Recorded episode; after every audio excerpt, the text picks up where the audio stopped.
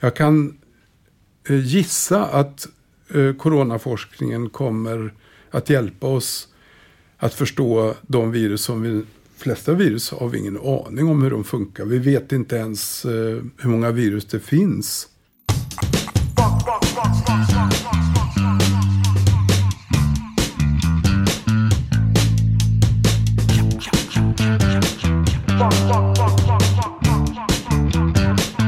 Här är Akademiliv, podden från Sahlgrenska akademin som görs av oss kommunikatörer vid den medicinska fakulteten Göteborgs universitet. Idag med mig Elin Lindström.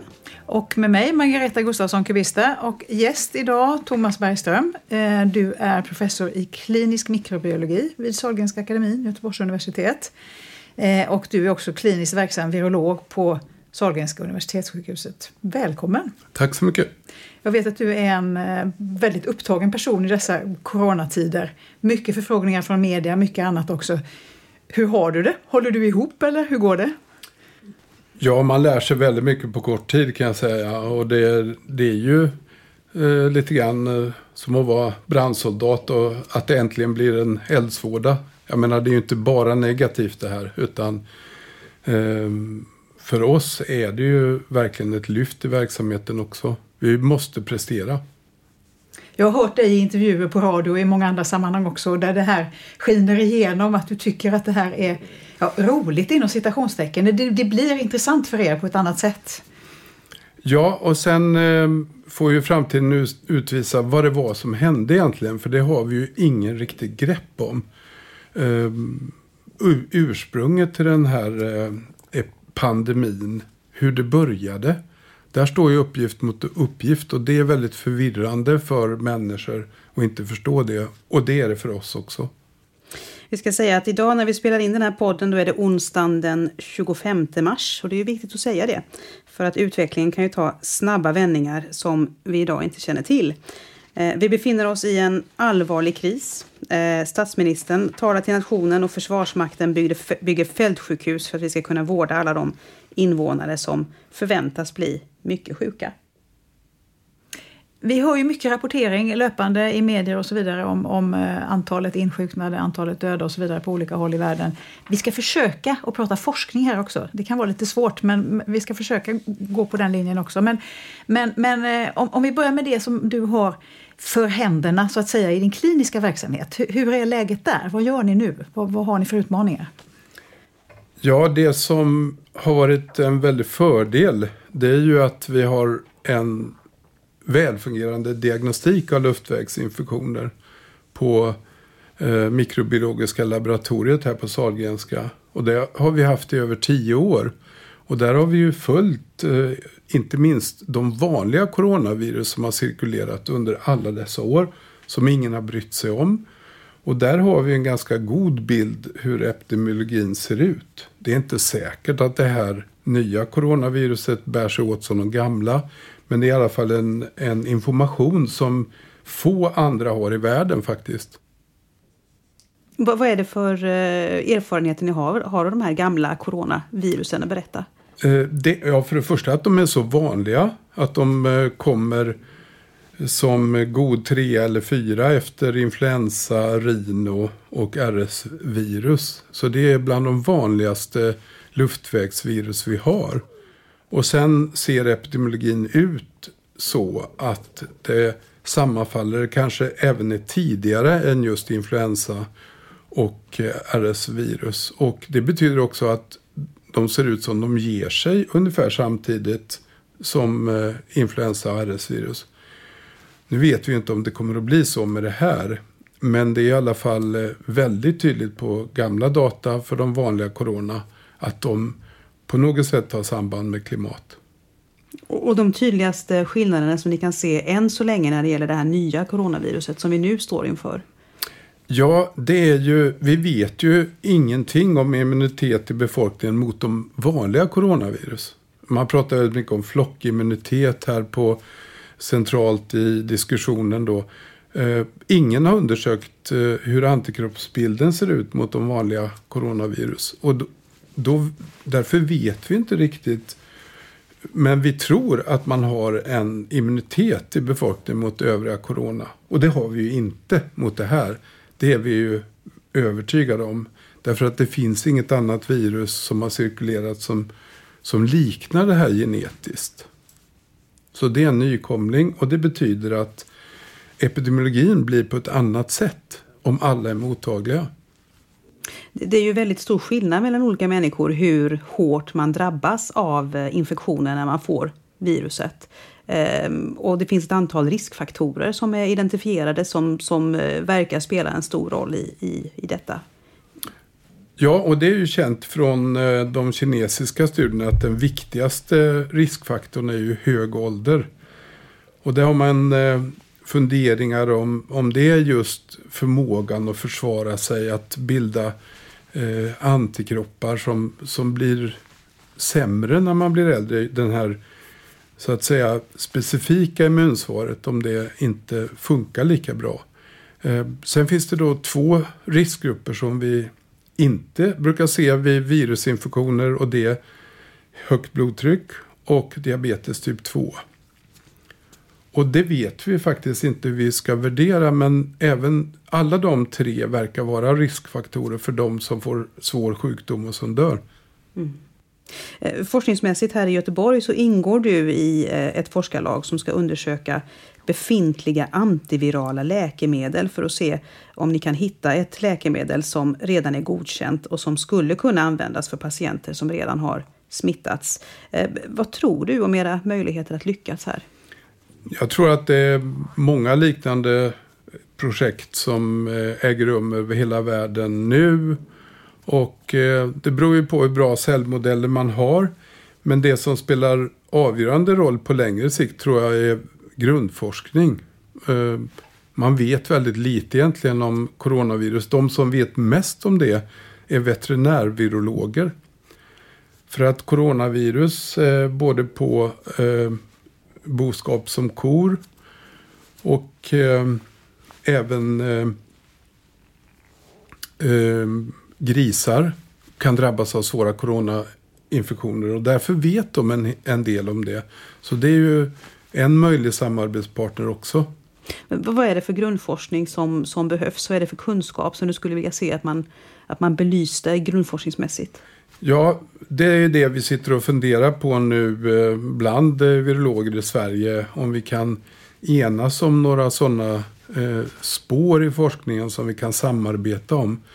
Men det som har varit mest framgångsrikt vad det gäller antivirala läkemedel det är att slå på DNA eller RNA-förökningen. Det är alltså hämmare utav eh, DNA-polymeras eller de virus som har RNA, RNA-polymerashämmare. Handlar det om, om att hämma virusets förmåga att föröka sig? Ja, eller? det är mm. det. Och det, eh, Eh, de har alltså med sig sådana enzym själva. Så att eh, det skiljer från våra motsvarande enzym. Och det gör det att man eh, går ner i giftighet när man kan bara slå mot virus. Och då har vi ju sett många framgångar på till exempel herpesvirus där man, acyklovi fick Nobelpris för många år sedan. Vi har hepatit C där man också slår på eh, förökningen av arvsmassan och med god framgång. Mm. Men här kan vi alltså förvänta oss att få se nya konstellationer, nya samarbeten när det gäller i, bland er forskare så att säga. Det här du pratar om med det veterinärmedicinska och så vidare. Ja, och där är ju till exempel eh, eh, okänt eh, stora delar av eh, vad vi kallar replikationscykeln. Alltså hur, hur, binder virus in till cellerna? Hur, eh, hur sker fusion? Hur sker förökning av RNA? Hopplockning av viruspartikeln, utträde. Allt, mycket av det är okänt vad det gäller corona. Hur skulle du säga att förutsättningarna ser ut för, för coronaforskningen idag? Det har ju kommit en del nya initiativ till exempel från finansiärer och sådär. Ja, vi tycker att det ser förhållandevis bra ut för svensk del. Och vi har ju haft eh, förmånen av att vi varje år samlas i Smögen. Eh, forskare av alla åldrar och alla inriktningar.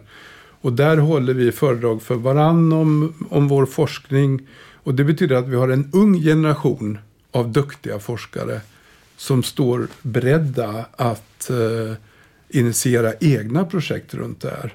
Och det är det som vore så roligt om man kunde få finansiering. För då får vi en, en varaktig satsning på virologi i Sverige. Det har vi inte haft tidigare. Just nu så är ju förutsättningarna för att kunna samlas på det här sättet inte lika goda förstås. Eh, hur, påverkar det forskningen och er forskare att, att eh, rådet är att man ska hålla distansen och inte interagera så mycket med varandra? Jag tycker tvärtom. Det har, eh, vi har aldrig haft så mycket kontakt som nu och jag tycker Zoom som GU har på sin hemsida är ett otroligt kraftfullt verktyg. Mycket bättre än många andra lösningar faktiskt funkar också bra för att diskutera forskning, inte bara undervisning som det används ja. mycket till. Ja. Mm. Um, hur skulle du vilja beskriva forskningsläget just nu då? Um, finns det forskningsspår i världen som är sannolika att ge oss nya vapen mot corona? Ja, det är alltid, alltid svårt att uh, säga om framtiden, men jag vill bara ta hiv som exempel. Det var ju ett av de minst studerade virusområdena på 80-talet, retrovirus. I Sverige tror jag det var två, två kvinnor eh, som eh, Birgitta Årsjö var en av dem eh, som eh, var retrovirusforskare. Det var allt. Och eh, så var det över hela världen. Eh, snart vändes det här till ett väldigt fruktbart forskningsområde. Och vi lärde oss jättemycket för alla andra virus tack vare HIV-forskningen. Jag kan eh, gissa att eh, coronaforskningen kommer att hjälpa oss att förstå de virus som vi flesta virus har vi ingen aning om hur de funkar. Vi vet inte ens eh, hur många virus det finns. Så att hela det här utbrottet gör ju att man, man ser en totalbild på ett annat sätt. Och det är något helt nytt. Mm. Har vi en totalbild? Man undrar ju det här, till exempel hur siffror redovisas och hur, hur många är drabbade, hur många har dött och så vidare. Vad, vad, vad fin, har, har vi en bild av hur det egentligen står till just nu? Nej, Nej. det har vi inte. Vad är felkällorna? Ja, det är ju hur en sån här eh, Eh, pandemi, hur den verkligen sprider sig. Vilka grupper eh, introducerar det till ett land? Hur får det fäste? Vi har hört om eh, somalier i Stockholm som plötsligt är överrepresenterade bland dödsfall. Ingen har tänkt på dem. Förortsmiljöerna. Eh, allt det här är ju okänt. Och jättestora populationsstudier. Eh, det är ju ett sätt att angripa det här. Hur stora är mörkertalen? Finns det tyst spridning? Och det kommer vi ju kunna testa i efterhand nu genom antikroppstester. Alltså immunitetsprövningar, blodgivare, eh, sådana här grupper som representerar hela samhället. Eh, tvärsnitt och så undersöka dem serologiskt. Då kan vi i efterhand säga vad som, hade, vad som har hänt kanske. Tyst spridning, vad, vad menar du med det? Eh, jo, att man inte har några besvär. Eller eh, det vanliga är ju barn faktiskt som är bärare. Finnarna har gjort väldigt bra arbeten på influensa. Att innan vi vuxna insjuknar i influensa så har det ju varit en spridning bland barn. Och de har ofta inte varit sjuka eller märkt av det särskilt väl. Och då har ju finnarna då föreslagit att man kanske ska vaccinera barnen för att hindra spridning av influensa till vuxna. Så att eh, absolut det man kallar asymptomatisk spridning, tyst spridning, det har vi väldigt lite grepp om nu. Det är ett frågetecken än så länge. Ja. Mm. Många frågetecken och när du pratar om populationsstudier då ligger vi ganska långt fram i tiden. Ja, Eller? kanske. Jag menar, kanske inte. Det, det kommer ju pengar nu för sådana här bredare satsningar. Uh, vi hörde om Wallenberg och annat. Så att det kan hända saker väldigt snabbt här. Va? Eh, metoderna är inget konstiga. Det finns eh, serologiska tester som är välfungerande så vitt vi kan bedöma. Och eh, virusdiagnostiken med PCR är ju solid. Det här är alltså ett virus som inte ändrar sig särskilt fort. Så att mm, det, annars kan det vara ibland som att skjuta på ett rörligt mål om någonting driver genetiskt väldigt snabbt. Men så är det inte här utan vi har, vi har en tydlig fiende. När det gäller siffrorna idag, vad vi vet om hur det ser ut i VGR, hur det ser ut i nationen, riket och så vidare, så fluktuerar det. Vad, vad kan man vänta sig framöver? Vad vet vi om det? Ja, det är en, en bra fråga och, och eh, det var ju plötsligt förändrade vi, eh, fick vi ändrade instruktioner för vilka som skulle provtas. Och det är inte konstigt därför att vid ett visst eh, spridningsnivå så orkar man inte smittsprida eller smittspåra alla. Vilket ju är den klassiska metoden. Och, och då fick vi ju, hade vi ju väldigt koll. Antagligen fångade vi en stor andel av infektionerna. Men när det eh, avslutades för någon vecka sedan. Efter det så famlar vi lite grann och vet inte riktigt lika bra. Jag tror nog ändå att vi har en ganska bra grepp om eh, själva utvecklingen.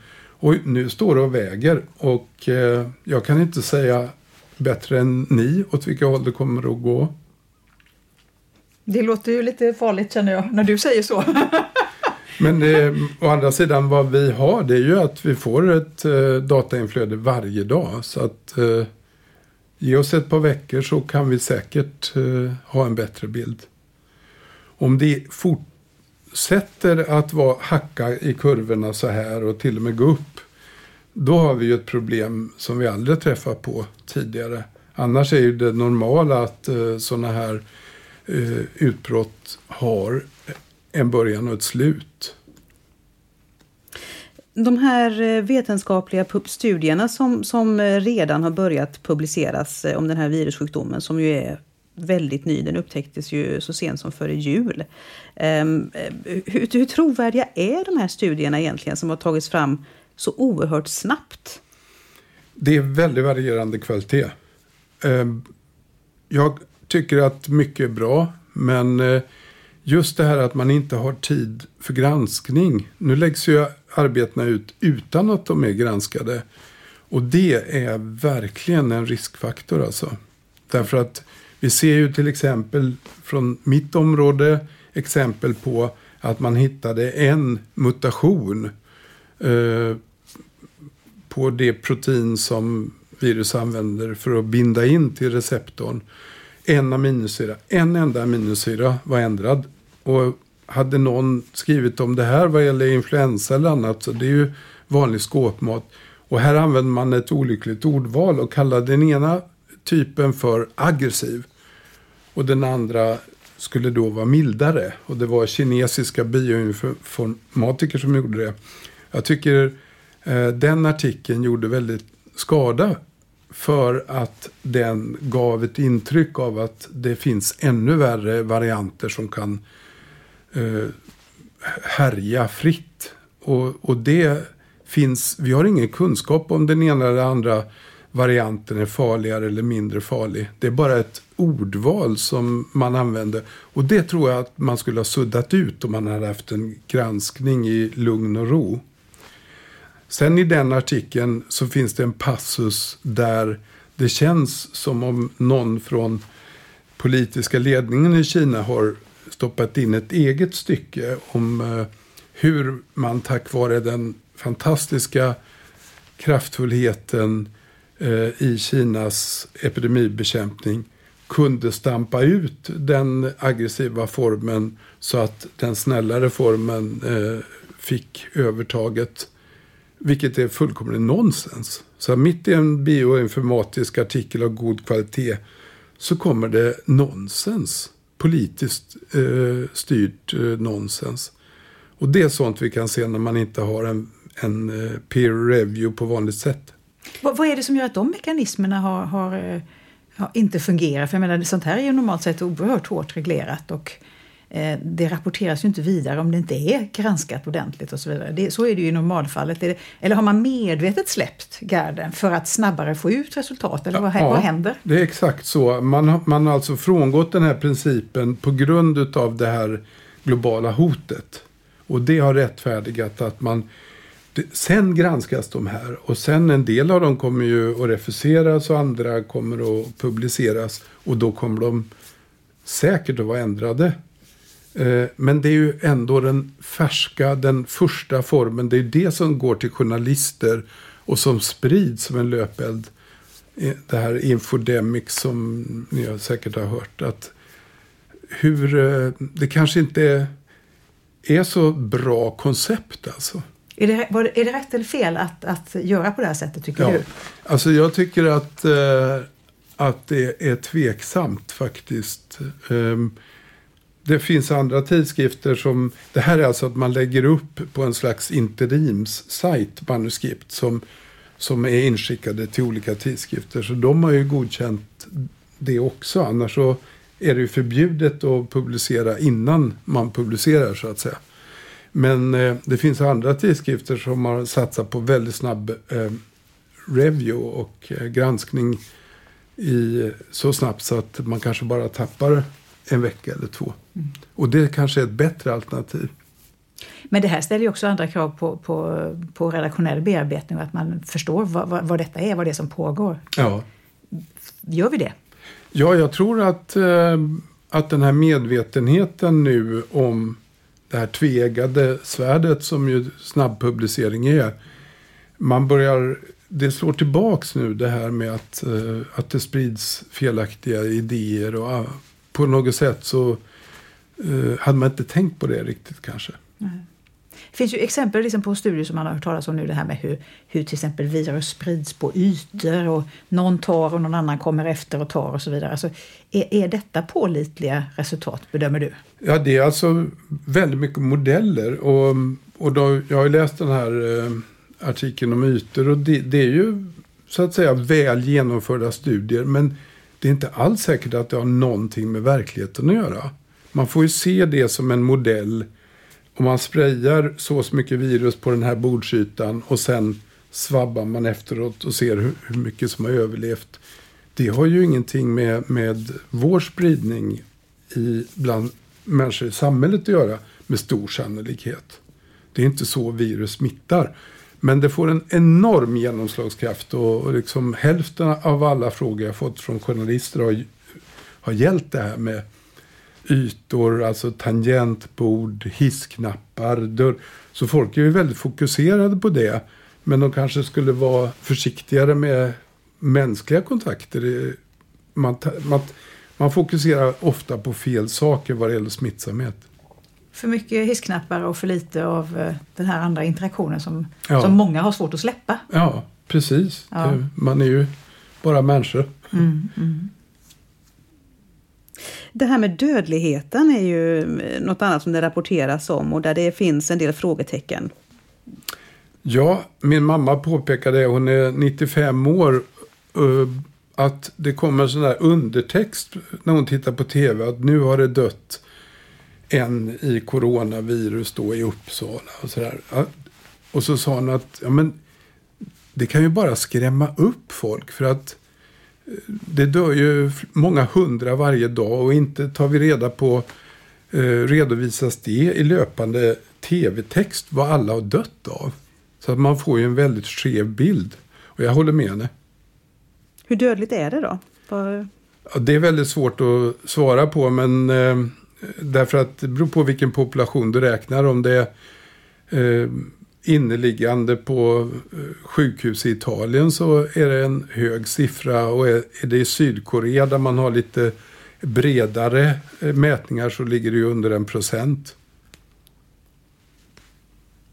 Det är mycket ändå kan det ja, bli. det kan man säga. Naturligtvis, även om det bara skulle vara, bara vara en halv procent så är det ju jättemycket människor ja, det, det är helt riktigt. Det, om man kombinerar dödligheten med hur många som blir smittade, det är ju det som är den allvarliga siffran. Mm. För en procent av en miljon, det är ju många. Stämmer det att man kan förvänta sig på sikt då när man tittar på alltså studier längre fram att man kommer att se att, att dödligheten kanske inte var så hög som vi tror idag? Eller är det vad man kan förvänta sig? Ja, eh, det, vi vet ju inte ens om det här viruset kommer, har kommit för att stanna. Men på lång sikt så, så är det ju så att virus har ju inget intresse av att slå ihjäl sin värld. Eh, det är en sån där, eh, det är svårt att kommunicera det till journalister. Att eh, virus som är väldigt dödliga har ju en sämre spridning. Och, och nu har vi ju interfererat med HIV. Men eh, det, HIV hade ju i princip en 100% mortalitet utan behandling. Och eh, det hade ju inte hållit särskilt länge för det viruset. För det hade ju så småningom gått ner och blivit ofarligare och ofarligare om vi inte hade satt in behandling. Och även nu är det sannolikt att, att eh, över tid bli snällare och snällare. För det är så evolutionen fungerar. Eh, om man slår ihjäl sin värld snabbt, då sprid, har man ju färre att spridas till. Mm. Du sa tidigare här i, i vårt samtal att det, eh, det är svårt att veta just nu åt vilket håll det här är på väg baserat på de här siffrorna och statistiken som ni, eh, ni, ni, får på, på mikrobiologen. Men det där är ju ändå frågan som alla går och funderar på. Hur länge ska det här hålla på egentligen? När, när kan vi återgå till någon typ av normalt liv? Mm. Ha, har du något svar på den frågan?